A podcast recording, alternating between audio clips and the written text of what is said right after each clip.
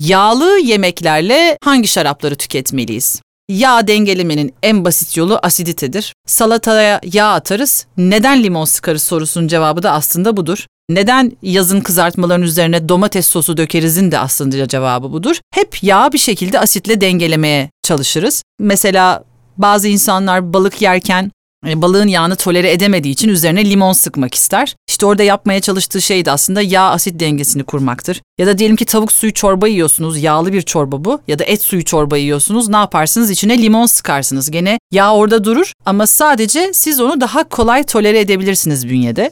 Dolayısıyla yağlı bir yemek yiyorsanız bu bir kırmızı et de olabilir, beyaz et de olabilir ya da bir sebze yemeği de olabilir fark etmez. Yanına yüksek asitli bir şarap tüketebilirsiniz. Mesela işte zeytinyağlı fasulye diyelim ki. Zeytinyağlı fasulyenin içinde domates var, zeytinyağı var. Kendi doğasında hani yapılırken limon da var elbette ama siz bunun yanına diyelim ki güzel soğutulmuş, kalecik karası üzümünden üretilmiş bir roze şarap koyun. Bakalım oluyor mu olmuyor mu?